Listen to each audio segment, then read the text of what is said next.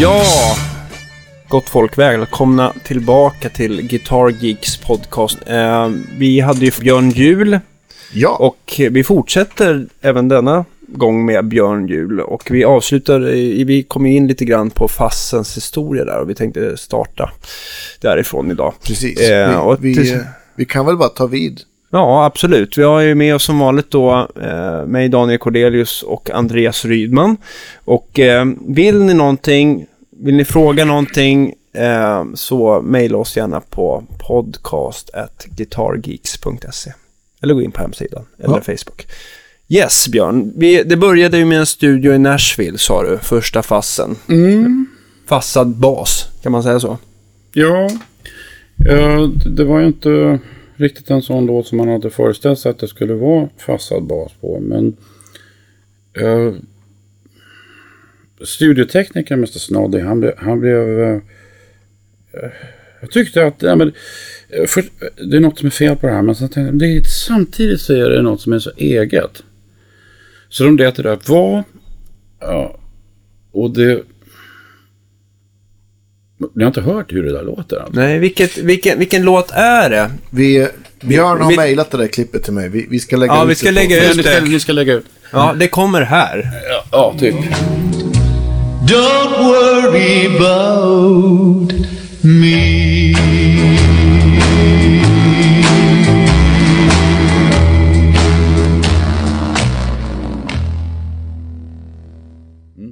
I vilka fall som helst. eh, så, jo, anledningen till att det hade blivit sådana äh, glapp berodde på att de hade fått eh, äh, studiebord från, äh, eller delat till studiebord från ett företag som hade, ja, ja, hur som helst, de hade fått lite undermåliga transformatorer och det var de de glappade i. Och så småningom så åtgärdade de de här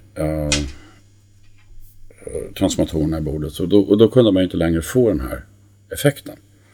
Men de tyckte samtidigt att det där var ju så uh, ball så att de...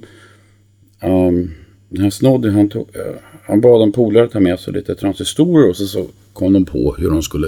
De satt helt enkelt och höll på med de här transistorerna tills de fick något som lät som det gjorde på den här inspelningen. Var det en kanal på bordet som som Ja, det var, det, det var faktiskt inte bara en, utan det var ett par. Men det var bara en som användes den här gången och den var bara på basen.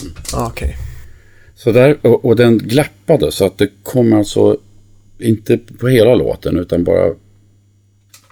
Där är det. alldeles på slutet. Ja, på slutet kom... Eh, ja. det kom lite i början där också men, men, men i slutet där var det väldigt tydligt att ja, nu, nu, är det, nu händer det någonting väldigt lustigt med det här basljudet. Uh, så, men han sålde den där till Gibson och så blev det ja, Gibsons... Det blev alltså den första fastpedalen. Den hette Den Gibson. Z... FZ1 hette den. Och...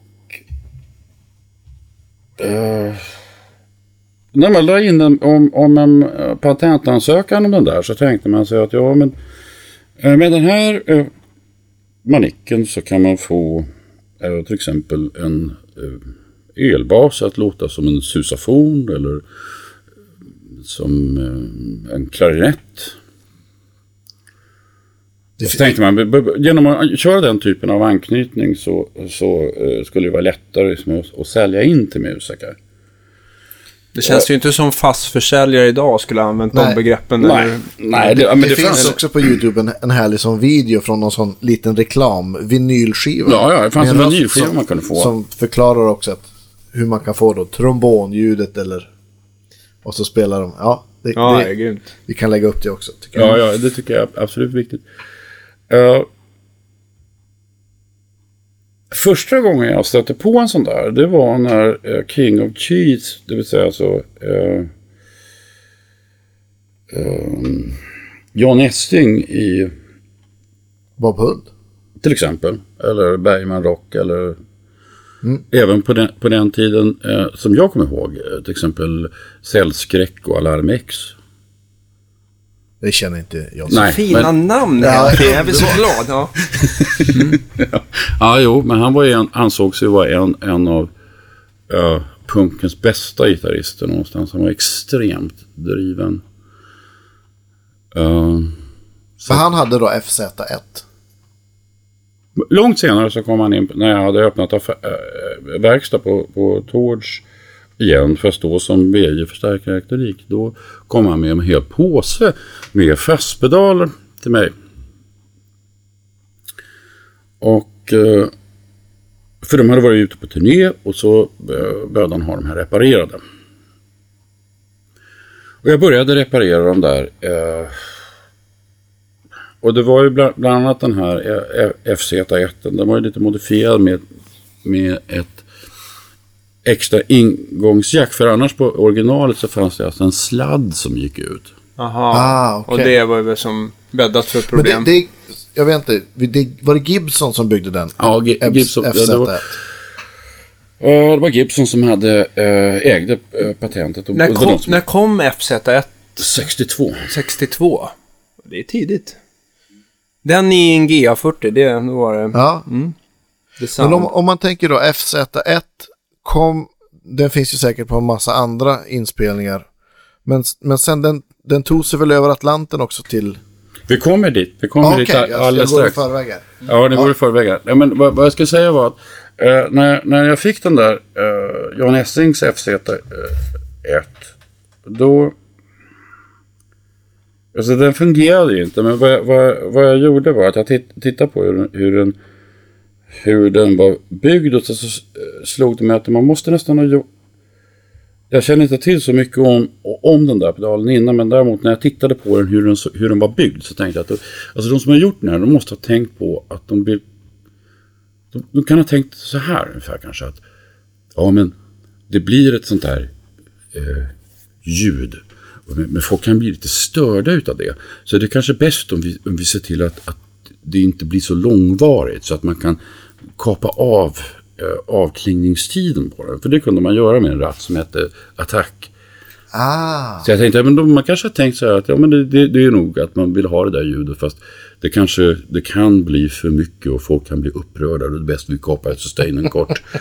Jaha, så jag. den blev som en, lite som en liten gatad effekt. Ja, jo, men det är för att man ska kunna få de här eh, susafonljuden och så. så det, mm. men, men jag tänkte att ja, man, kan, man kanske kan liksom sätta det där.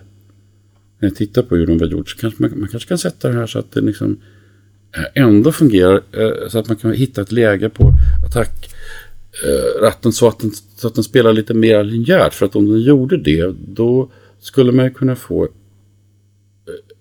riktigt mäktigt distljud. Så att jag, jag fixade till det biasen på den så att, för den hade jag alltså drivet med tiden av att de här transistorerna som satt i dem blev ju äldre och läckaget blev värre. Så vad, eh, vad jag gjorde var att jag justerade eh, därefter. Så att man fortfarande kunde få de här lite döende ljuden. Men det fanns ett läge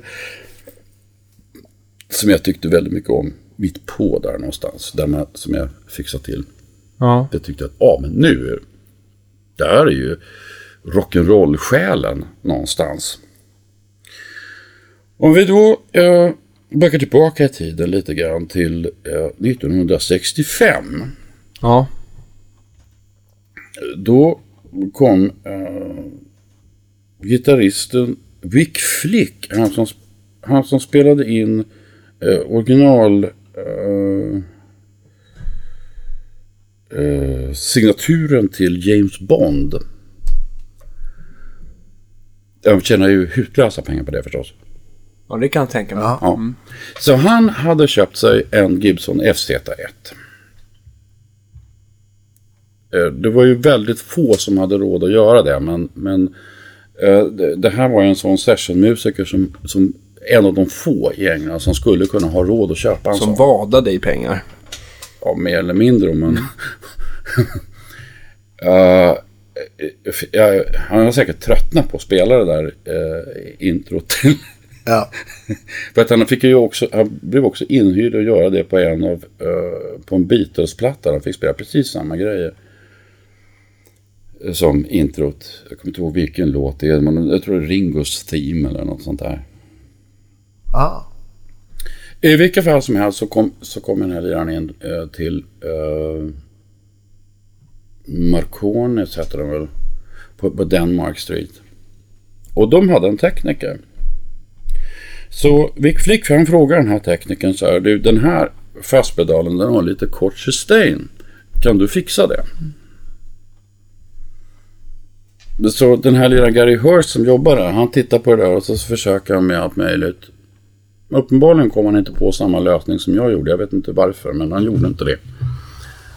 Uh, För att du är ett geni kanske? Ja, eller... Ja. Ja, ja, ja det, det finns nog en bättre förklaring. Det finns nog en fantastiskt bättre förklaring. Vi kom till det. Eh, han ursäktar sig med följande. Nej, men du vet, det går inte att göra så mycket åt den här kretsen därför att den, den har för låg spänning. M- Men jag kan bygga en pedal åt dig med upp till två sekunders sustain. Ah. Där har vi det, alltså det, det, det, det den enorma snilleblixten att komma på att ja men det är klart, vi, det är så man gör. Okej. Så man får betala för antal, x antal sekunders sustain man vill ha helt enkelt. Ja, vad han gjorde var att han byggde, han byggde, eh, alltså vad Gary Hurst gjorde var att han sa, ja, man kan tyvärr inte fixa den här uh, Gibsonen. Hade han gjort det så hade man ju hamnat i ett lite knepigt läge. Dessutom måste man tänka på. För att som jag sa så var det, ju- alltså det var ju en fruktansvärt dyr pedal att ta in från staterna. Så om nu den här uh, hotshot-gitarristen verkligen skulle vara nöjd med det här ljudet. Då kommer det alltså, det kommer ju bli kö. Så att det var ju en enorm snilleblixt av honom att säga att nej men jag bygger dig en istället. Ja, för då kunde han ju bygga och sälja dem. Ja, då kunde han bygga och sälja och man kunde till och med göra det till, till ett pris som, som eh, i stort sett alla musiker eh, Kunde tänka sig att köpa en. Ja. Eller, Det ro, eh, roliga är att eh, Beatles ville använda eh, Gibson FZ1. De var ju så pass stora så de hade råd att köpa en. De ville ha den på She Loves You. Men studiopersonalen hindrade dem från att använda den där. det var för lite sustain helt enkelt. Nej, de, ja. ja, men de, de var ju... Det hör till saken att, att om Beatles hade fått göra det, då hade de förmodligen eh, varit eh, fassens ledfigurer mer än Stones. Ja, just det. Men man får inte glömma att på den tiden hade ju ljudtekniker hade ju labbrockar och det var ju, Ja, ja absolut, absolut. Ja, det var ju ytterst Man får, seriöst. man får inte glömma att på det, det, det här var på den tiden eh, då, då mm, Dolbys eh, laboratorium skickade tillbaka en inspelning med, med Jimi Hendrix och man, och, och man ursäktade sig med att ja, vi har ju försökt ta bort eh, distorsionen eh, men vi kunde tyvärr inte få bort allt.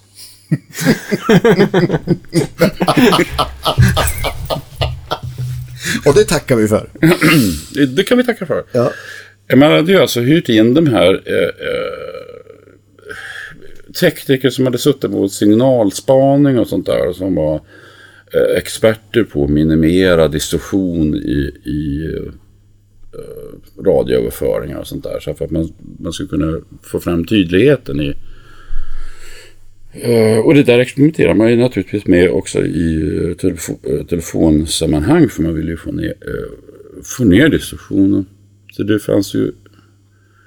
Dåtidens tekniker hade en helt annan syn på, på nu distorsion. det, de ville åt att det skulle låta så naturligt som möjligt. Man ville få fram, eh, man var ju van vid att man hade extremt störda eh, eh, alltså radiomottagningar som kunde vara, eh, som kunde vara eh, kraftigt distorderade. Och, och där man istället då fick hitta på metoder för att filtrera bort eh, distorsion för att få fram vad folk egentligen sa. Så att eh, dåtidens tekniker tyckte ju att det där var ju kanske inte så bra. Men det där var ju lite hifi-ideal också. Man skulle ha eh, högsta möjliga trovärdighet. Och det är klart att även bandekorna såldes med, med att detta är en hifi-produkt. Ja, Med extra stor bandbredd och extra låg distorsion och sånt där. den här fussen han byggde då, vad, het, vad hette han? 65. Gary Hurst. Gary Hur- vad, vad, Ja, han, byggde, vad hette den då? han kom på då att han kunde ju inte kalla den för fast för, det, eh, för fast, för det hade ju, de, det hade ju Snoddy hittat på i, i, i Nashville Ja, just 62. Så han var tvungen att hitta på ett eget namn och han kallade den för Tonebender. Ah, Nu är det så att den här Tonebender den är... Ja, det, den är i princip en, en... Det är samma krets alltså som... som FZ1. ja, det är bara det att spänningen är högre och så eh, är det... Ja, har man lite, lite annan förspänning. Men det, man, man ser ju klart att man har liksom tagit den. Fast han har ju... Det är ju så att Tonebender, den hade ju då på andra sidan två sekunders sustain. Och det gjorde att den här eh, gitarristen Vic Flick, då, han som spelar James Bond Theme, han var väldigt nöjd med den där. Och det var inte bara han som var nöjd med den, utan plötsligt så skulle alla ha... Alltså vi snackar bara... Alla Skulle ha en varsin tonebender. Ja, ja, alltså deras li lista över folk som använder inkluderade i stort sett he hela popvärldens eh, grädde. På, på hemmaplan här så hade vi ju faktiskt eh, P.O. Alm som gjorde den, den Sveriges första fastpedal. Vi har ju hört några fassar som han har byggt som har varit jäkligt bra tycker jag. Ja. Men det var de man sålde under bordet eh, eh, på Nalen typ va? På 60-talet. Det, det som var lite roligt med, med, med den, storyn bakom den är att den, den uppstod på, av samma sorts eh, slump som de här eh, glappande transformatorerna i, i inspelningsborden ute. Det var så att eh, P.A. Alm, han skulle bygga en trådlös sändare. Det var ju någonting som kunde vara väldigt tufft. Spotnik använde det ett exempel när de kom ner i helikopter med så de hade gjort om till rymdskepp så här, och så kunde de komma ut ur rymdskeppet Ja, spelande. Så här. Men trådlöst, det var ju... Det måste ha varit ganska coolt. då. Det, det, det, Oh, ja. var, det var något så fruktansvärt Ganska coolt. så coolt nu också. Ja, Ja, ja alltså skulle någon göra det där idag så skulle det vara så cool som man ska bara, ja, ja. Maken till scenshow har nog inte överträffats tror jag. Just det där med, med helikopterlandning och rymddräkter och, och, och eh, extra folk med rymddräkter och dammsugare på scen. Alltså, det, det, alltså det, nivån på det där är så hårt så att... I alla fall, hur det var nu så skulle han by, bygga den här ehm, trådlösa grejen. Det var bara det att eh, den fungerar inte så bra den där trådlösa grejen. Utan det som hände eh, var istället att eh, gitarren som var kopplad in, eh, överföringen blev kraftigt distorderad. Och då sa ju hans gitarrist så här att, "Äh, ja, men, men, men, men strunta i det där med, med, med trådlösa överföring. Kan du inte bara bygga en sån här åt mig med, med, med en fotonkopplare på? Så att jag kan få det här ljudet. Och kan slå av och på. Och kan slå av och på. Eh, och så började den. Vad kallar han den? Hade, fick jag... Blev det något namn på den eller? Jag vet inte om man kallar den för någonting annat än är, ju- den, den fanns ju på många av de här eh, 60-tals eh, sven, eh, den svenska popkulturen då hade ju gärna den där. Därför att här kunde man inte köpa tonebanders. Nej. Trots att England ligger Det, det, relativt roliga, nära. det, det roliga här, nu kommer det riktigt återkoppling här. Det, det riktigt roliga är att när uh, P.O. Alm skulle köpa transistorerna till den här. Då gick han ner eh, till LV ljudteknik i Sundbyberg. Och, och pratade med Robban då som, som var... ehm, vad heter de? Var låg det någonstans? Eh, På Tulegatan i Sundbyberg. Eh, han var Hepstars tekniker. Men han var också ra- radioreparatör. Och han sålde de, eh, de första transistorerna till P.O. Alm och var noga med att påpeka för honom att du ska nog inte ha transistorer som har för hög strömförstärkning för då kommer det nog inte fungera. Ja, då blir det ingen dist, eller? Nej, då Eller kanske hela överstyrning. steket skulle haverera. Jaha. Ja, men grejen var att uh, uh, PO visade ju Robban hur, hur han hade tänkt sig. Och Robban plockade fram lämpliga transistorer åt honom. Det var också Robban på LV ljudteknik dit jag gick och köpte eh, motstånd och transistor, eh, transistorer och kondensatorer och sånt där till min eh, diskantbooster som jag var tvungen att laga jämt. Ah. Häftigt. Det finns en, en, en myt om, om, om eh, Robban eh, och spiralkablar. Låt höra. Här, härliga krullkabeln. Ja, yes. Ja, var, varför eh, spiralkablar inte längre är så vanliga. Och, och den myten heter att eh, eh, Robban åkte runt på sin flakmoppe och hämtade upp alla spiralkablar och körde dem i Ängskolans kabelutretningsmaskin. Så de blev raka kablar.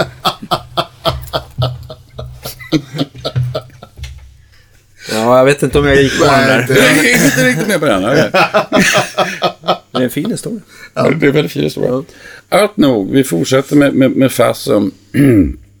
Det är klart att den där... eh, fler ville ju bygga fassar och det är klart att man kopierade, ungefär, man kopierade varandra. Så det, Marshall skulle ha sin fass och Dallas Arbeiter ville ha sin fass och det kom... Eh, så småningom så kom den krets som, som man brukar säga är fastfacen. Och det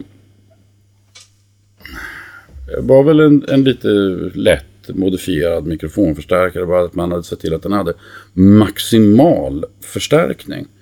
Och då hade man väl tekniken tänkt sig så här att ja men nu, de ska ju ha fyrkantvåg och då ser vi till att det är maximal förstärkning. Sen så konstruktionen blir ju lite, eh, blir lite intressant därför att den, när man kopplar in en gitarr så bildar den på ingången ett filter som äter upp lite diskant. Och det var ju någonting som eh, bland annat Jan Solberg även på 70-talet då skrev i, i, i, sin, i sina böcker om att eh, man, fastljudet det tillgår så att man, man, man kapar av lite diskant först, sen så distorderar man, fastnar man på ljud och sen så eh, kan man möjligen differentiera med en, med en högpasslänk efteråt så man får lite vassare ljud. Men, men det måste kapas av först. Helst ska spelas på basmikrofonen på, på Ja, mm. så att vi inte får, får, annars blir det för många störningar. Kan, kan, man, kan man, typiska fastface, då börjar jag tänka på Hendrix var väl en stor användare av, av det, eller? Ja, Hendrix är nog den största användaren. Det är det som jag, det som jag fastnade vä- väldigt mycket för med Hendrix. Framförallt så lyssnade jag väldigt mycket på Hendrix när jag var driven, driven som musiker. Och, och då brukade jag göra så att jag lyssnade på Hendrix när jag diskade för, för att eh, han hade precis rätt rytm för att man skulle liksom kunna diska bra. Disk, jag ska hem och diska till Foxy Lady. Ja, Ja, det är stenhårt alltså. Du, Purple det- Haze kanske. Ja. Purple Haze är jättebra att diska till. Ja. Och det gjorde att man kunde... Går, det, går det att köra diskmaskin också som jag har? Eller man måste ha hand? Ja, det är därför handdisk. Okej, okej. Mm. Bra. Men alltså om du måste handdiska någon gång så vet att det underlättar med, med att lyssna på lite Hendrix. Ja. Eh, men det som jag fastnade för med, med Hendrix fastljud det är ju till exempel eh, de- ljud som han får när det inte... Alltså jag vet att det är fast fast det låter inte fast. Utan det låter mer som någon sorts distorsion sådär som man tycker att man själv skulle vilja ha.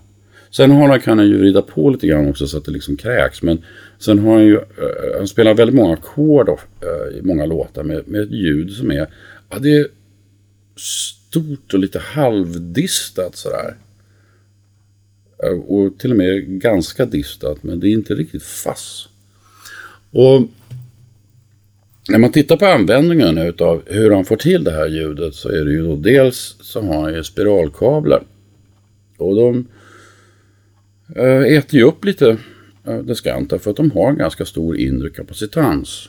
Och det där gör att han skapar då med sin med ingångskabeln och fassen så skapar han som ett litet mellanregisterfilter som lägger på lite mellan. Så att den kapar diskant men lägger på mellanregister Ja, det, det, effekten blir att eh, i och med att vad som händer är att kabeln har en kapacitans som reagerar med, med, med mikrofonens induktans. Och då får vi en resonans som, eh, som flyttar sig eh, neråt i, i eh, Så resonanspucken blir liksom... Ja, den flyttar, flyttar sig neråt.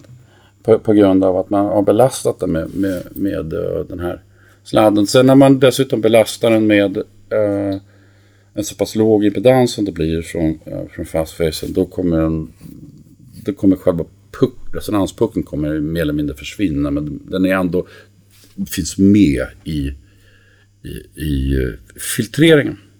Sen får man tänka att han har dessutom en, en spiralkabel efter.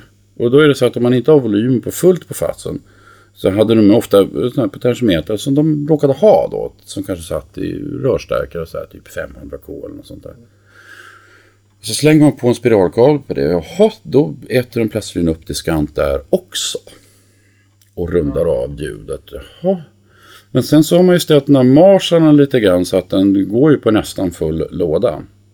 Alltså så starkt som det blir innan den kräks. Förmodligen.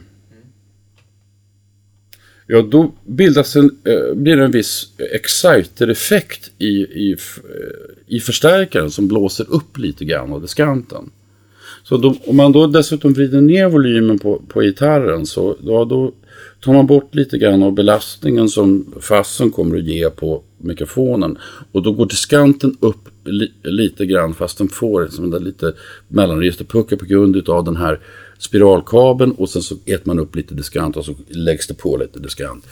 Eh, Summa summarum utav det här blir att det by- hela det här ljudet byggs från lite distorsion i, i fastfacen, lite i stärken och resten filtrerar bort alla möjliga grejer.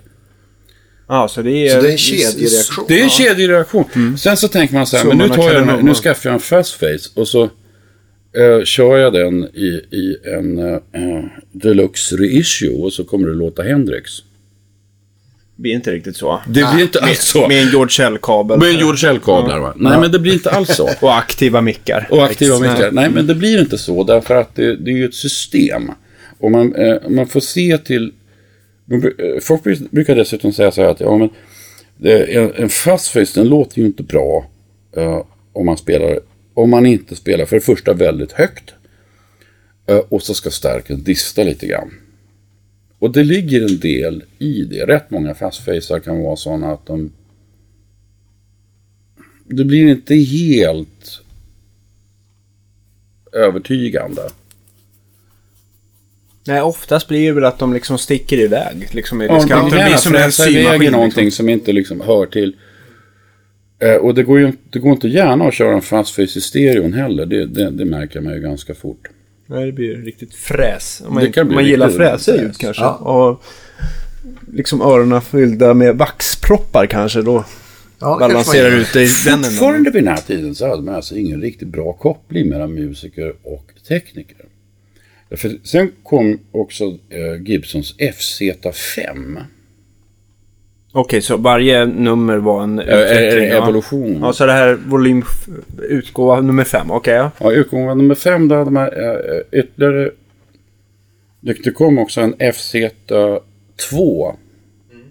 Som designades av Bob Moog. Aha. Den var riktigt hemsk. Som, som ligger bak, bakom Moger Fugger. eh, Ja, visst. Moogsynt. visst. Självaste Bob Moog. Eh, men FZ5 i alla fall. Ja, den, den fick jag in för en reparation också från eh, Jan Essing. Det är bara det att när jag hade, hade lagat den, som jag trodde, så insåg jag att jag måste ringa John och fråga honom. Och så sa jag, hör du, alltså jag har lagat din fastpedal här. Men jag vet inte om jag har lyckats. Därför att den låter så fruktansvärt. Kan, kan du vara vänlig och komma ner och, och, och provspela och se att jag faktiskt har lyckats laga den, om den ska vara så här eller om det är något mer fel. Och han kom ner och spelade och sa, jo men det är precis som det ska vara. Den har aldrig, den har aldrig låtit bättre. Det har aldrig låtit bättre. Sa, men, eh, vad är det du gillar i de här uh, fassarna? Så sa han, ja men jag gillar till exempel att, eh, att ljudet dör sådär. Eller att det gatar lite, eller att det blir... eh, eller att det svänger lite oförutsett så att det blir lite farligt. Ja, eh, fass är ju en ganska stygg effekt liksom. Det är en väldigt snygg effekt. grov- Just, just det, nu förstår du precis varför jag drog slutsatsen att man måste nog ha tänkt att det här är en så stygg effekt så man måste kapa den kort. Ja, det får inte vara farligt för länge. Men det kan inte vara farligt för länge. Då kan ju folk bli upprörda. Jag ser förhållande till lång fast. Men om jag får bara... Jag kanske hoppar över en massa steg här nu Ja, det i i, i, i historien. men har, har, har du någon egen så här personlig fassens fass i ditt hjärta? Fassarnas fass, vilken är det? Har du någon egen favorit? Kanske är någon som du har konstruerat själv i och för sig. Men jag tänkte om du hade någon så här som av de här gamla, gamla som du liksom... Det här är kul. En av mina favoriter, den första, första fastpedalen jag, eh, jag eh, köpte. Jag, jag, det, på den tiden så köpte man grejer i Gula Tidningen. Och det, det var en, en herre, han har, eller en, en, kille, han sålde några fassar och någon wah-pedal. Det var typ 100 spänn styck. Och sånt. Men det fanns en i den, i den en orange med, med en fot på. Och den, den använde jag rätt mycket. Vilket märke var det? Det var en, en Melos. Det visade sig att Melos uh, uh, var alltså den, den europeiska märkningen på dem. I USA så heter de Univox. Aha, nu. Det, det visar sig dessutom att den, den här har jag alltså behållit sen, sen eh, jag en gång använde den på, på 80-talet. Mycket live och sådär. Använt den också i, på inspel. Bland annat på den där Wawa-inspelningen. Som, inte- som, är, som, Försvann. som försvann. Ja. Eh, jo, jo. Det, det är en del av storyn mitt förhållningssätt till Wawa-pedal. Men det tar vi en annan gång. Ja, absolut. I vilket fall som helst. eh. Den, den där är lite special. eh, och eh, den hade ju alltså egentligen bara ton och volym. Alltså farsan var förinställd. Så det fick man ju vrida på. Volym. Den är tyvärr utlånad för ögonblicket. Eh, men något som var roligt med det är att jag har ett samarbete med, med en herre i St. Louis som heter, som heter Don. Det visade sig efter, efter något år att han, han, en av hans favoritfassar som han har hållit på väldigt, väldigt länge. Eh, det var just en, en sån eh, Univox orange, likadan som den som, som jag hade. Går det att säga att den påminner om eh, eh, Fastface eller Tonebender eller är det en helt det, egen där, det, där krets? var, det där var ett steg senare. Men hade, den, hade den mer än två sekunders sustain eller? Den, den, hade, den, den hade, nej den hade nog inte riktigt två sekunders sustain men den hade, den hade något så fruktansvärt styggt ljud så att den kunde tysta ylande hundar en mörk natt. Man det är ju- kunde, man, men man kunde uppröra folk med den? Man kunde uppröra folk riktigt mycket med det. Där, det där faktiskt är en av mina favoriter. Den, uh, Är det en silikon eller? eller den, den, den, den, eller- var bara silikon. Men det var, det, eh, den var kanske lite väl brutal. Men det, det, jag tyckte att den hade sitt eget liv. Fast sagt tycker jag att man kan ha rätt många. Eh, jag kan tycka att det är roligt med, med oktavfast någon gång emellanåt. Ja, när kom första oktavfassen egentligen? Är det någon Den som... första oktavfasen man, man... Det kom väl två kan man säga, men... eh,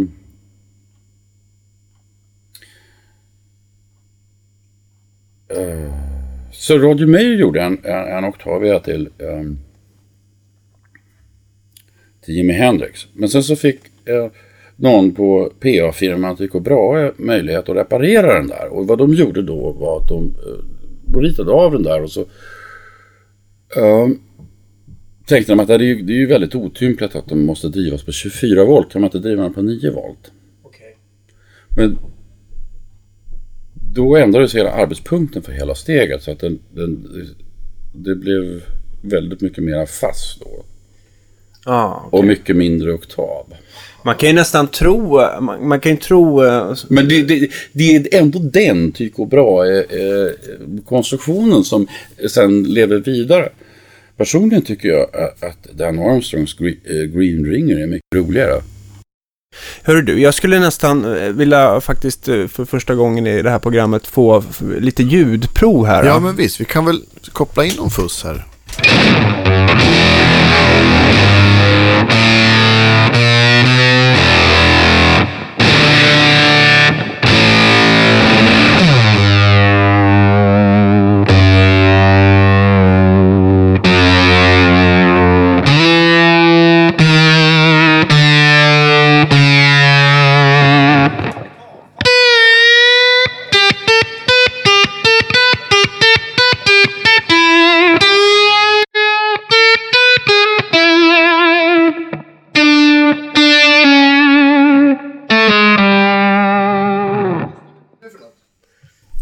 Nu eh, är det... Det, det här är eh, oktavdelen i en superfass.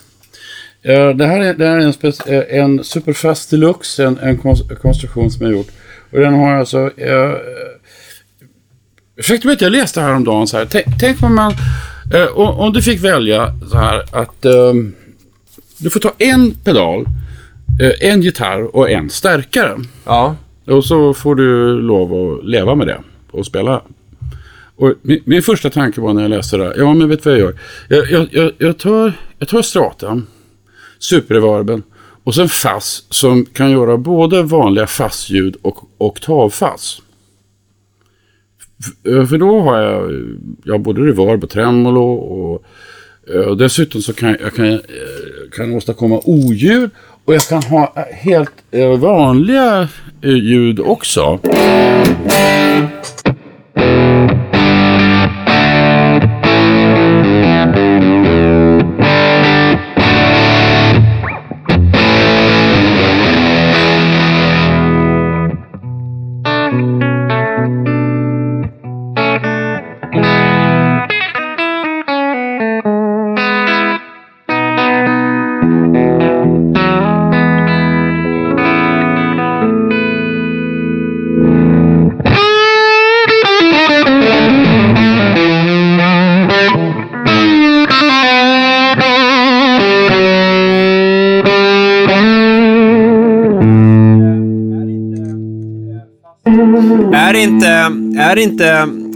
Fassen väldigt så här, bra på det? Att just att den, den, den, har, den svarar väldigt bra på hur du ställer volymkontrollen på gitarren. Mm. Men samtidigt kanske man vill ha riktigt lång fass. Det kan man ju också.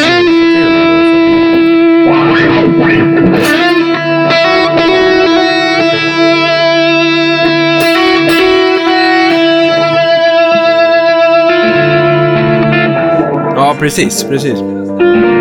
Den där fassen, vad baser, baseras den? Har det inspirerats av någon gammal krets eller är det... Jo, det, där, det här är alltså en, en eh, kraftigt modifierad eh, eh, Tonebender 4. Okej. Det är bara det att jag har gjort den så att den har lite mer, eh, så att, som jag tänker mig att, man, att jag vill använda fast, eh, framförallt på hög volym så att man kan få ja, lite så, som, nästan som man har en wowa lite förinställd. Uh, vilket man får Alltså att man den blir liksom lite vokal Ja, sådär. den får, blir lite vokal. Så när man vrider på volym...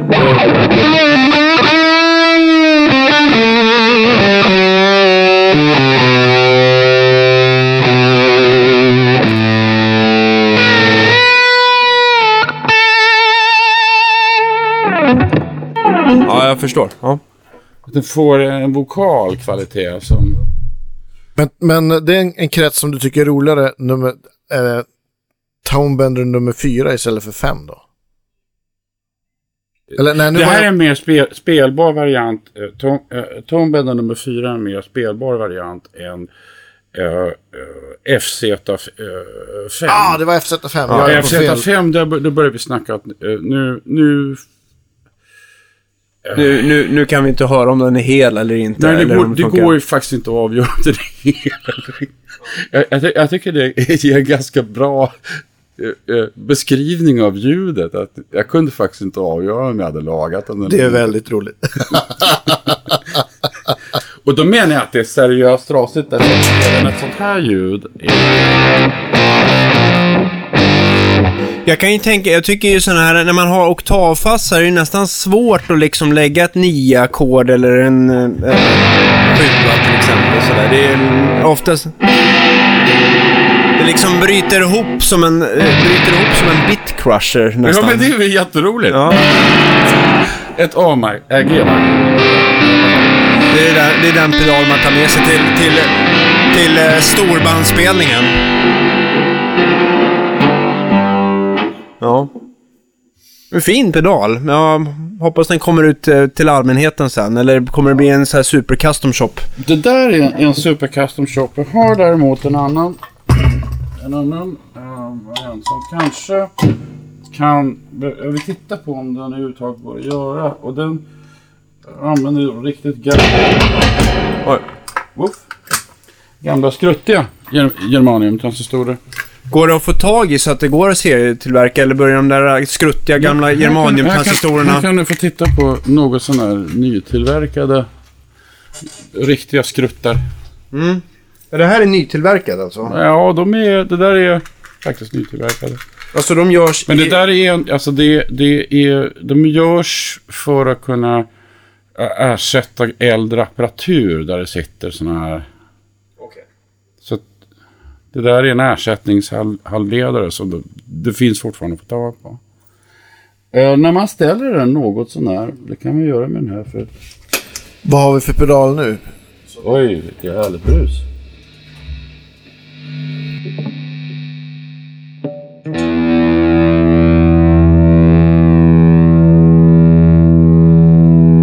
Black Bender. Man kan ju bara tänka sig vad den har inspirerats för. En tonbender.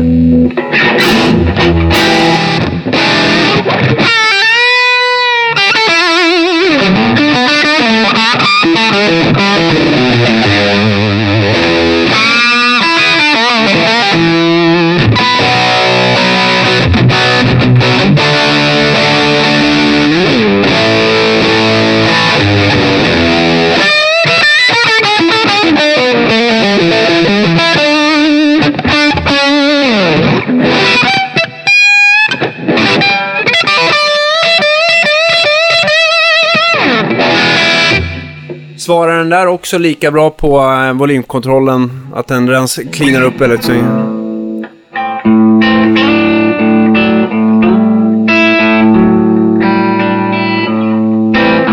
Ja, vi får vänta och se då om det blir någon serieproducerad producerad fast där med germanium.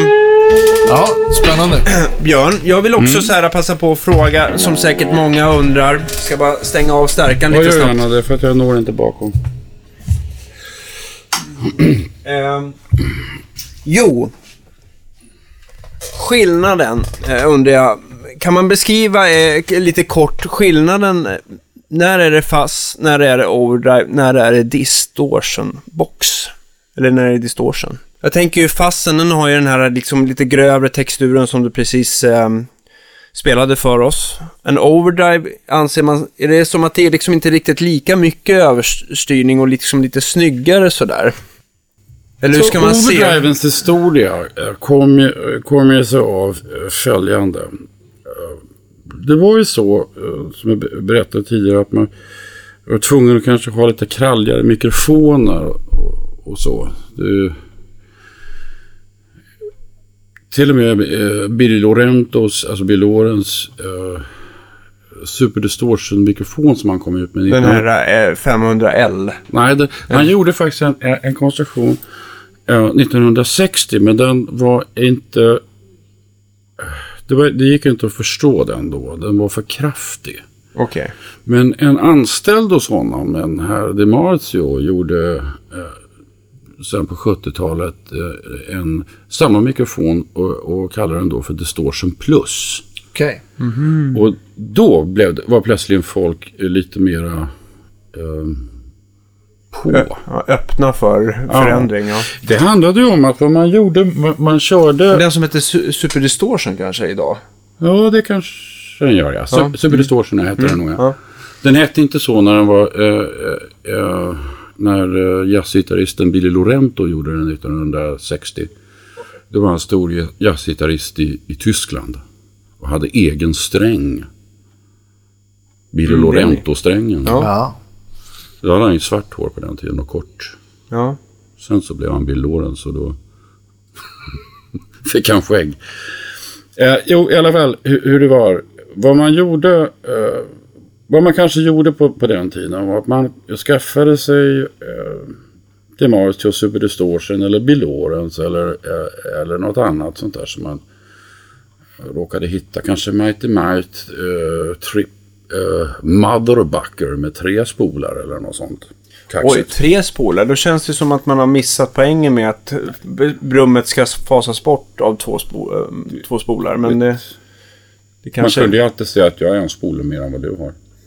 Ja, det är sant. Jag, jag tog en titt på din mikrofon och den såg väldigt liten ut. Ja. Då snackar Det kan, där har ni penisförlängaren nummer ett. Trespoliga mickar. Ja. Okej, trespolare mickar, det- alltså då är man ju så jävla hård. Nej, men vad man gjorde annars, en vanlig grej man gjorde var eh, att man skaffade sig en booster som man tryckte på sin förstärkare med, eh, ingångsröret.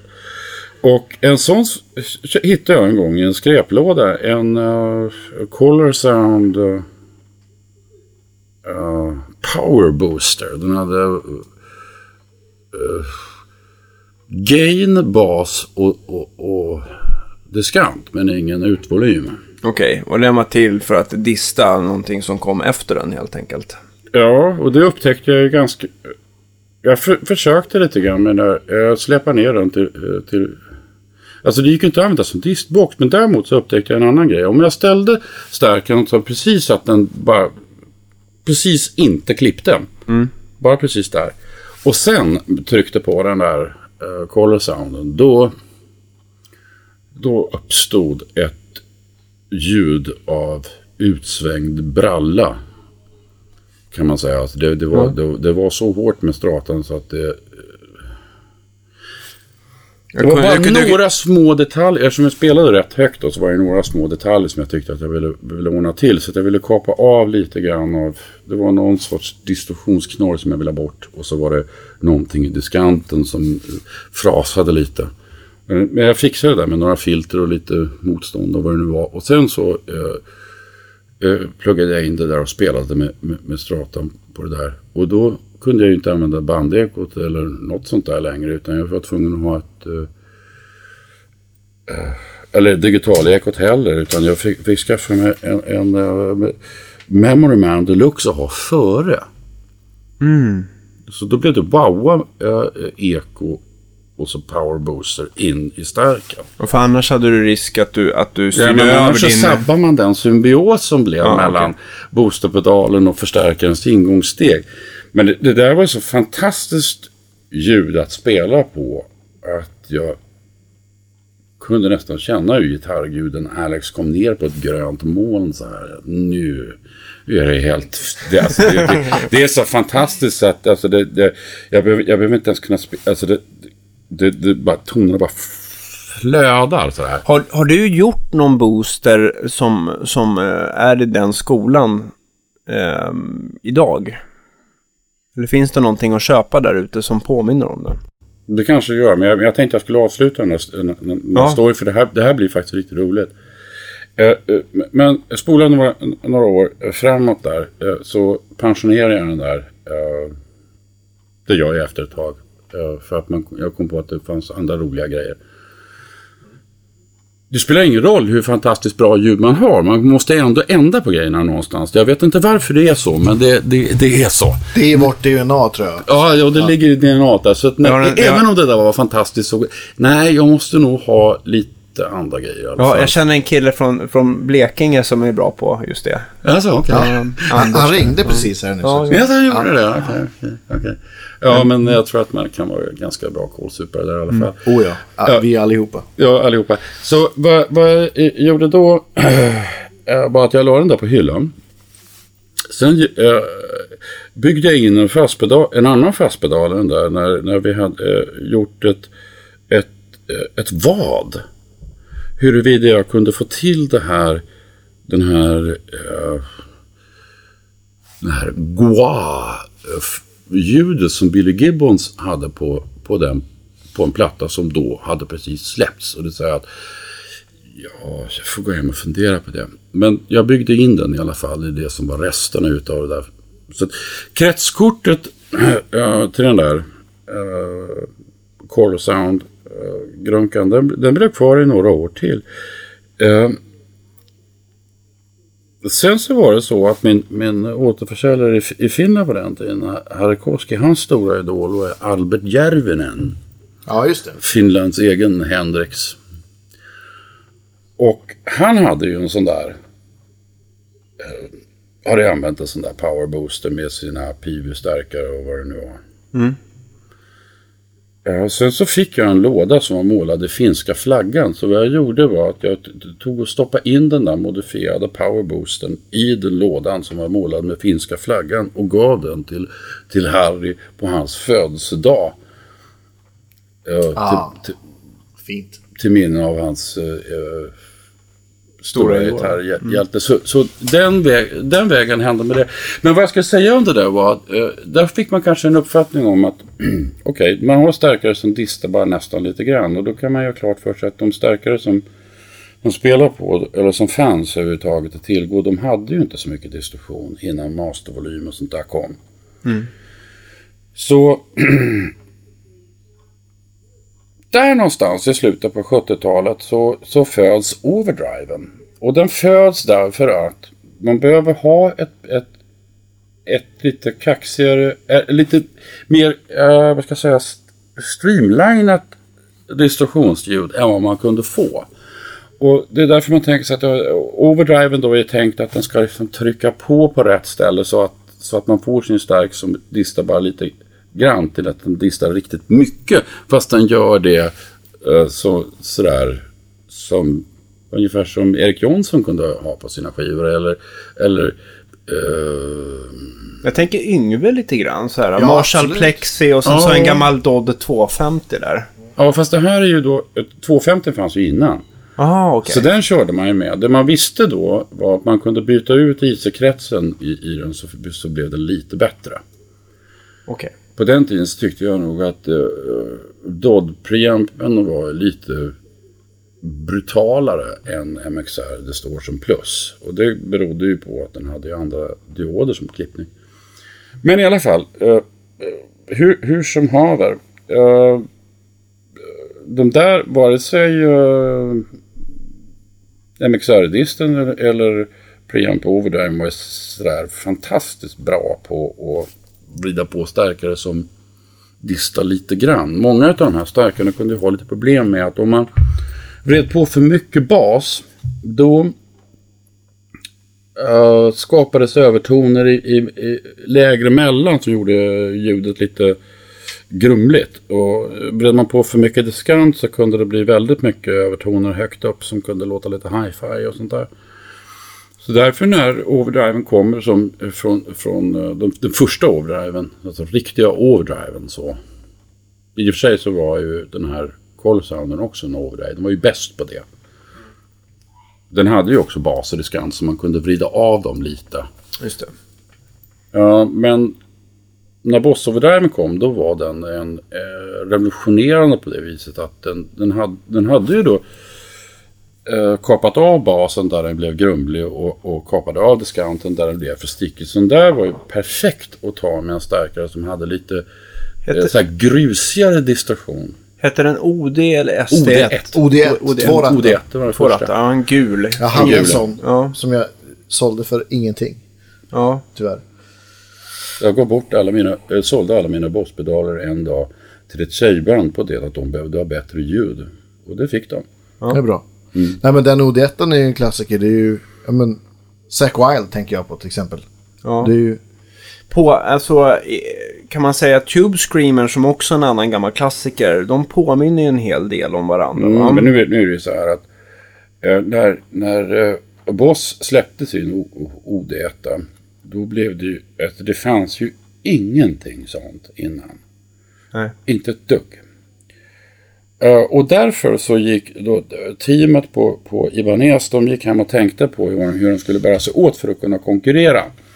Så vad de gjorde är att de tog sin, den, eh, den pedal som de, som de kallade för Overdrive 2. Det var alltså mer eller mindre en, en ehm, den var första grön och den hade uh, volym, diskant och uh, distorsion. Det var som en, som en eh, MXR Distortion Plus fast med påhäng av en diskantkontroll. Okej. Ah. Men då kom de ju på att vad, vad, vad um, Boss hade gjort som var så finurligt var ju det att de hade kapat av basen och så hade de eh, eh, kapat av diskanten kapat av basen innan, kapat av diskanten efter och sen så hade de dessutom flyttat upp klippningen till återkopplingen och då, då gjorde Ibanez det också. Nu kunde de inte göra den här asymmetriska klippningen som Boss hade då därför att Boss hade patentet på den. Aha. Så de fick göra en OP-ampslösning istället? Nej, de gjorde, båda är byggda med opampen. Okej. Men, men, men det är det som, det är där, de fick använda en symmetrisk klippning istället. Därför att Boss hade eh, patentet på asymmetrisk. Okej. Kan man... Asymmetrisk och Grejen symmetrisk grejen- grejen klippning... var att de hade, de hade alltså, vad man kan säga är att eh, i Boss-pedalen så hade man kommit på det att ja, men om vi klipper den ena, våg, eh, den ena halvan eh, lite, med lite lägre eh, spänning än den andra och så eh, lägger vi eh, och det gör man då genom att använda en diod i ena riktningen och två seriekopplade i den andra. Och, då, och det är klart att vad man, vad man var ute efter då, det var att kunna eh, skapa den här typen av... Alltså när man tänker sig att man har ett, ett, en triod när den blir överstyrd, en normal triod alltså i, i förstärkarsteg, så blir det så att den ena halvan den, den blir lite, lite grundare och lite bredare och den andra blir lite spetsigare. Eh, Okej. Mm. och det var lite grann det där man ville åstadkomma fast man ville göra det med eh, naturligtvis inte elektronrör utan med eh, komponenter som du kunde driva vid 9 volt och som du kunde göra massvis av pedaler med. Och det där är ju naturligtvis ett sätt att närma sig det och eh, det var väl något sån här lyckat. Att TubeScreamen sen ser ut som den gör beror på att Boss hade eh, patentet på den där typen av... Så vad de kunde göra var att, lägga sig så nära som möjligt. Eh, men nu hade ju då naturligtvis Ibanez eh, sin... Eh, modifierat den här OD2 som hade diskantkontroll. Så den...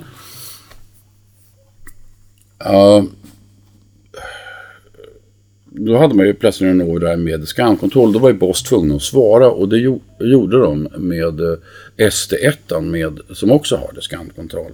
Var, den, var den liksom bara en, en OD1 med diskantkontroll? Äh, ja, i, mer eller mindre. Okej. Mer eller mindre. Alltså den allra första den allra första Boss overdriven den drevs av fyra stycken opampar varav två opampar var buffrar. Och då kommer man naturligtvis på att eh, om man byter ut de där opamparna mot transistorer så kommer ju bruset att gå ner. Men å andra sidan så kommer man tappa lite spänningsförstärkning. Därför att det, ja, det blir så i en, i en transistorbuffer. Den kan förstärka strömmen men, men spänningsförstärkning blir alltid mindre än ett. Eh, och det där är början till eh, de här eh, tonsacken i, i baspedalen. Eh, naturligtvis så svarade Ibanez med att också göra samma typ av eh, silent foot switching. Men det bara, de fick inte kalla det för silent foot switching. För det hade eh, Boss också patent på. Boss Vilket har också krig. dessutom patent på, på kombinationen av ord som till exempel eh, orange och dist, gul och overdrive. Ah. Vilken kapprustning. Det känns nästan som Det något så där här, var- att, att det är... När började det här? Det, är det, Fast det här är väl ändå... slutet av 70-talet. Och vad, som- vad som är riktigt hemskt, vad som, eh, alltså den häst jag höll på väldigt mycket då i alla fall. Eh, det var ju eh, MXR därför att de, de drevs av musiker. Och de gjorde också grejer som var väl, väldigt slagtåliga. Men tänk på sådana grejer som att man måste kunna stå på rattarna. Man, man ska mer eller mindre kunna köra över eh, pedalen med bil. och Man ska kunna kasta ut den från sjunde våningen från ett hotell och den ska fortfarande överleva. Det var lite sådana där saker man hade funderat på. Som, jag ty, ty, eh, nu var deras, ljuden som de hade i deras pedaler var inte alltid de allra bästa. Men de är ofta lite tråkigare eh, till och med än, eh, än vad Electroharmix var. Men Electroharmix, de gick ju sönder bara man tittar på dem. Men det var ändå cool att ha eh, de här ljuden som Electroharmix hade. Men i alla fall. Eh, MXR de höll på att gå i graven där. Därför att vad de gjorde. Istället för att hålla fast vid deras konstruktion med, med ordentlig mekanisk fotonkopplar och sånt där. Så försökte de också med silent foot switching. Bara i sin command series. Det var bara det att de då gjorde de en, en låda som för det första var lite för stor så här i, i eh, ungefär som två av deras pedaler tidigare eh, i, i bredd så. Och sen så gjorde man pedalen i, i en väldigt hård plast och eh, fotonkopplaren eh, i form av en gummihätta som satt fast i den där eh, plasthylsan. Det var bara det att den där gummihättan den hade en tendens att eh, haka upp sig i kopplingen mellan chassit och där den liksom skulle... Mhm, så den- den gick inte så, tillbaka. Så när den gick inte riktigt tillbaka så det gjorde att eh, i och urkoppling blev otillförlitligt.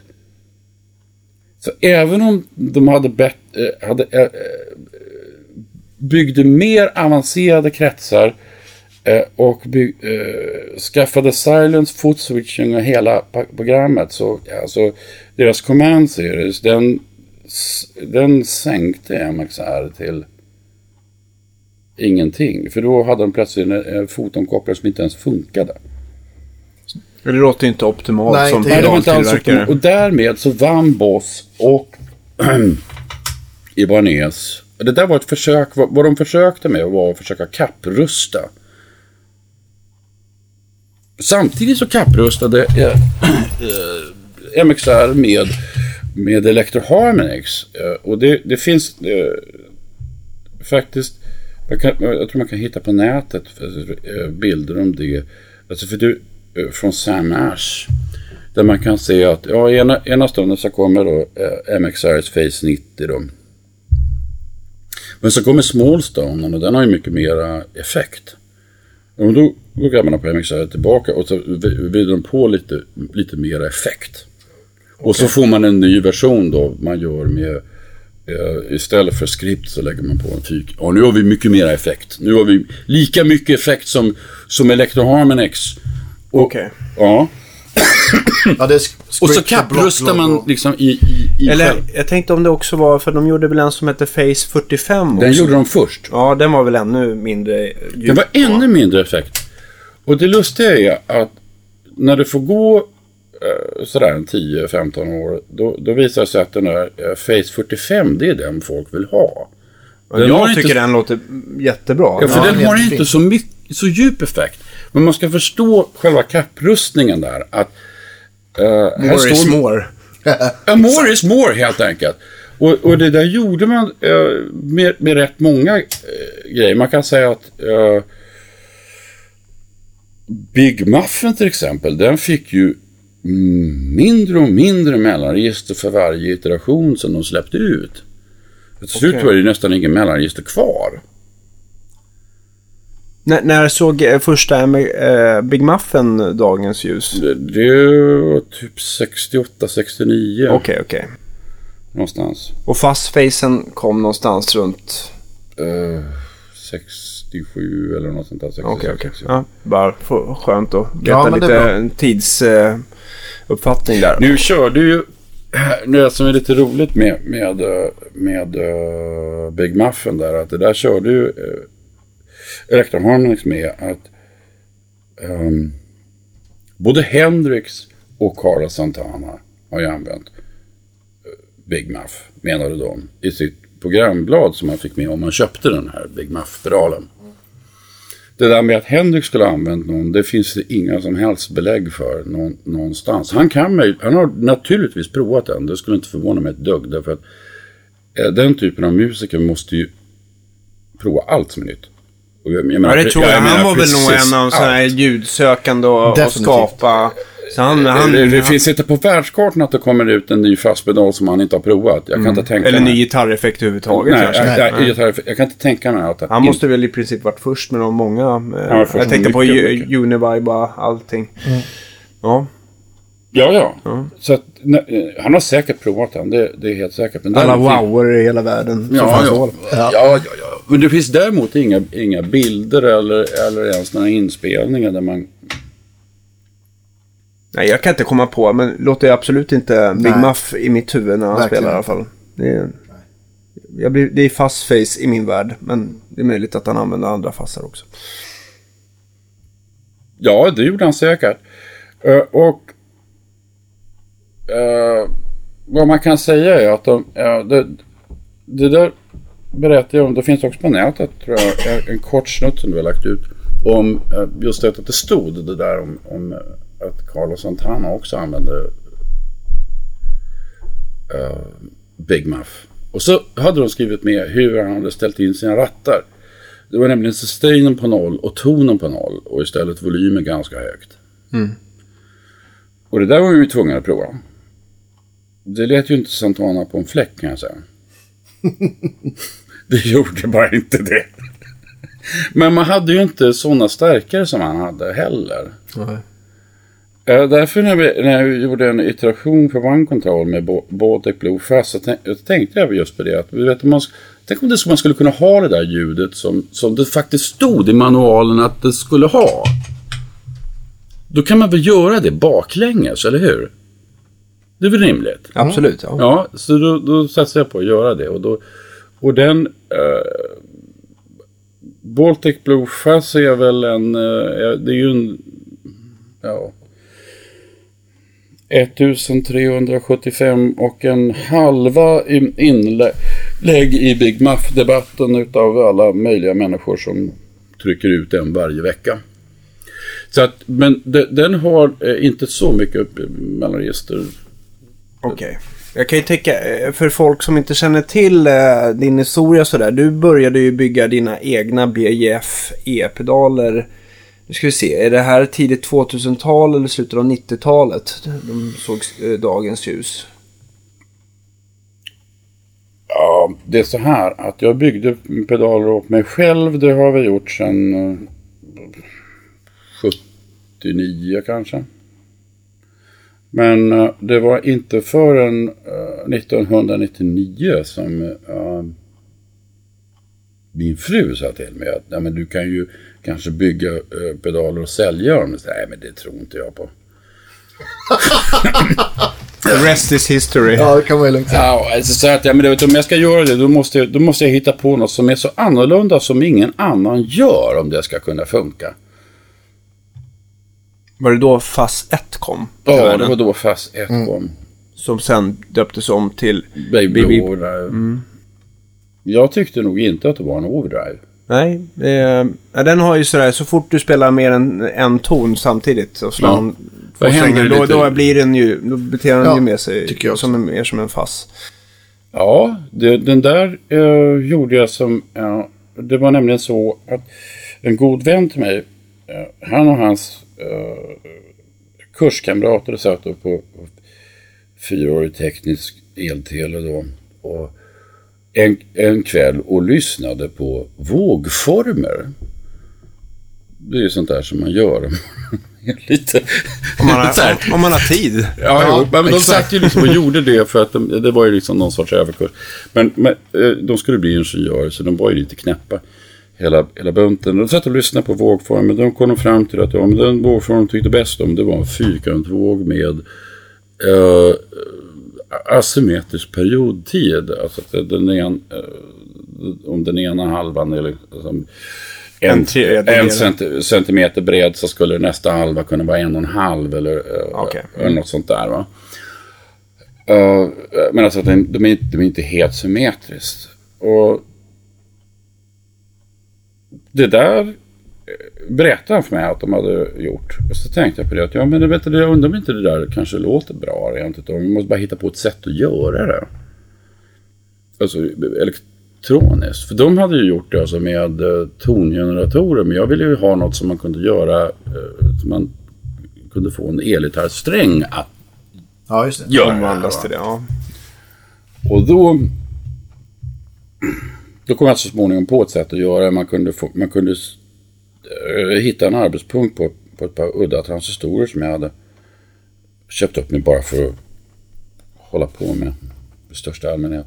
Och då kom jag fram till att ja, men där kunde man hitta den där, eh, det där läget där uh, vid viss utstyrning så, så blev faktiskt uh, vågformen alltså, uh, med asymmetrisk periodtid. Och det är det, just det läget så visar det sig så kan man alltså styra man kan, alltså ljudmässigt funkar det så här att eh, när du spelar på det så tycker du att det, det blir jätte, väldigt lite dist till att det blir mera dist för att du kan liksom styra det med anslaget. Rent vågformsmässigt så blir, eh, om man tittar på vad som händer under samma, uh, samma tid, så ser man att, uh, ja, om man tittar bara på en liten del som, så, så blir eh,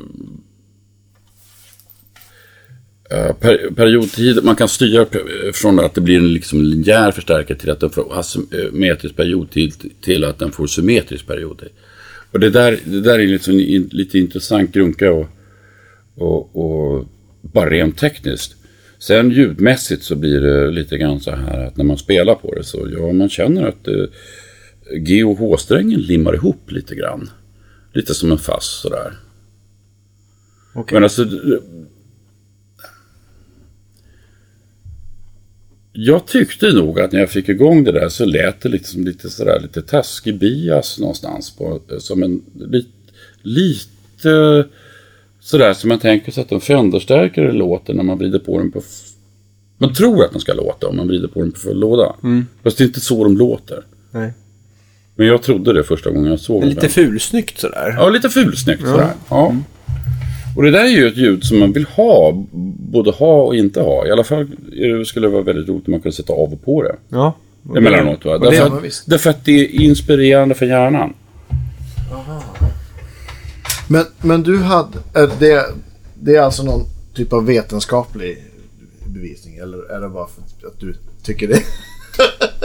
att det är kul för hjärnan? Vad då menar du? Men, ja, men alltså inspirationen var, var, som jag sa, jag bara förklarar inspirationen baklänges. Hur, Ah, ja, ja, hur, hur den liksom fungerar. Fung, det var ju så att de förklar, förklarar den här våg, vågformen. Eh, han förklarade den för mig. Jag tänkte, jag tänkte på det ett bra tag och så funderade på hur man skulle gö- göra. Och så kom jag på ett sätt. Har vi besök här? Sir Oliver som själv... Det, det hör till saken att när, när jag jobbade på, på, på EBS lite extra så här för att jag tyckte att eh, jag hade ju verkstad inne i stan och så jobbade jag lite löste deras.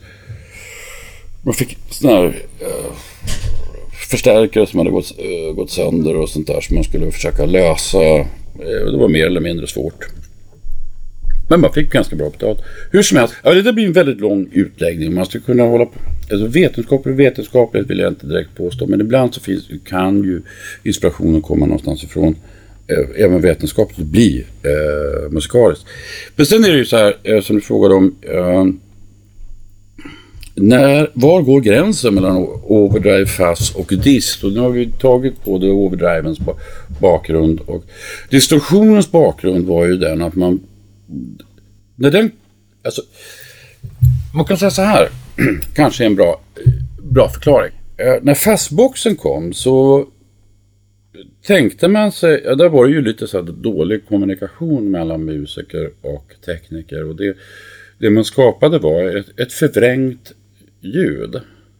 Men distorsionen som sådan, den, den har, man ju- har ju gitarrister ändå velat ha eh, i, i åratal. Det kommer osökt att tänka på eh, Kjell Sjölund när han står och spelar i, i ett sandtag utanför Skutskär med en sån här bensindrivet aggregat. Och så berättar han att ja, men efter ett tag där när, när kvällen, när det började skymma på där, och, då började det där aggregatet sagga och, och då, vet du, då, då uppstod världens största ljud. Och det är väl ändå distorsion. Grejen är att han glömmer bort det där och kommer inte på det förrän, två, äh, äh, förrän äh, typ, det där var 50-talet. Va? Ja, sen någon gång i början på, på 2000-talet så hade han, hade han av misstag råkat vrida upp volymkontrollen och vrida ner mastervolymen. Och då uppstod nästan samma ljud. Det hade inte han vetat om trots att han hade haft förstärkaren sedan 70-talet. Han hade aldrig ställt in den så. Nej. Ja, men vad man kan säga är att när distorsionen, distorsionsboxarna kom, då, vad man ville då var framför allt att få ett, eh, ett distljud som mer lät som en överstyrd förstärkare än vad en fass kunde göra, än vad många fassar gjorde. Så man ville ha ett mera eh, strömlinjeformat ljud och det är då eh, en av de första diskboxarna som kommer är är den här eh, Dan Armstrongs Blue Clipper. Och utav, Vilket år är det här? Typ. Det här är tidigt 70-tal. Okej, så det, man kan, det är liksom lite så, de går lite hand i hand. Okej, fassen kom ju klart först med serien Fassen är klart 1962. först, men sen kommer liksom som, ett, som en begäran på att ja, men vi skulle vilja ha en lite en, en annan textur i, i, i vårt eh, distorderade ljud. Men, det- Blue, men Blue Clippen var ju klart före både OD1 från Boss och, och Tube Screamen då såklart. Ja, ja. Ja. Oh, ja. Eh, det är nämligen så här eh, att eh, här kommer Blue, Clippen och den är väl en av de absolut första överhuvudtaget. Det, det Armand gör så småningom också en, en Square Wave som är, bygger på samma princip som Blue Clippen. Och uh, MXR Distortion Plus bygger på i princip samma, det är i princip samma som Blodklippen, bara det att man har bytt ut några små saker. Och, och detsamma var det ju med, eh, Dodden där kanske då. ja, med Dodden som också är eh, av samma, samma skola, skrot och korn. Där är dioderna samma som i... i eh, men, alltså det är så små detaljer som, som diffar. Eh, det kom från... eh, från Maxon hade, eh, klämde ut, om, man, om man köpte fler än tusen så kunde man få eh, sitt eget namn på dem. Och då, de fanns som Koron, Musikbörsen och lite allt möjligt sånt där. De gav ut en gul pedal. Den hette Distortion 10 och det var eh, mer eller mindre en exakt kopia av en MXR Distortion Plus som då var storsäljare i Japan. Ah, okej.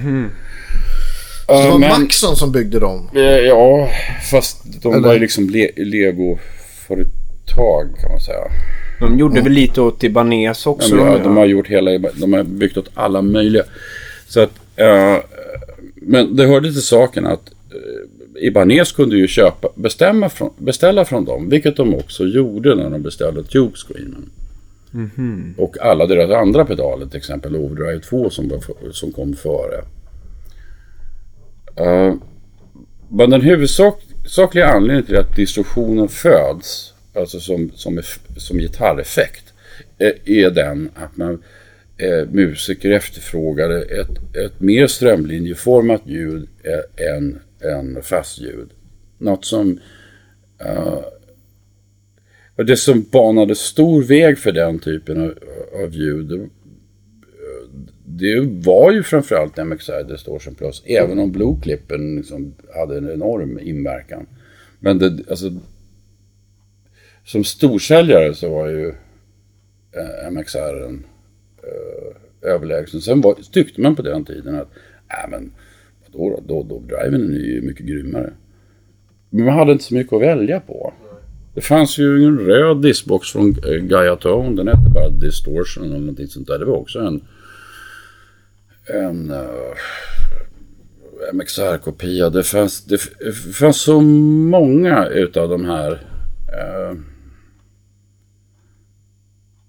på 80-talet så kunde man köpa för 100 spänn på eh, Clas Olsson Ken Multipedaler. Som också var samma skola som eh, MXR Dis- Distortion Plus, eller mera som, eh, som Dodd Preamp Overdrive, fast man hade lagt på tonkontrollen från en Big Muff.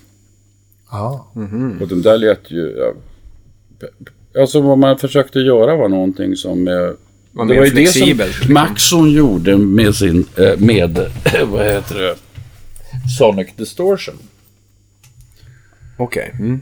Och det är den som blev, den var också ljusgrön va, vill jag minnas? Ja, den är lju- ljusare, ljusare grön. Och det är klart att vill man...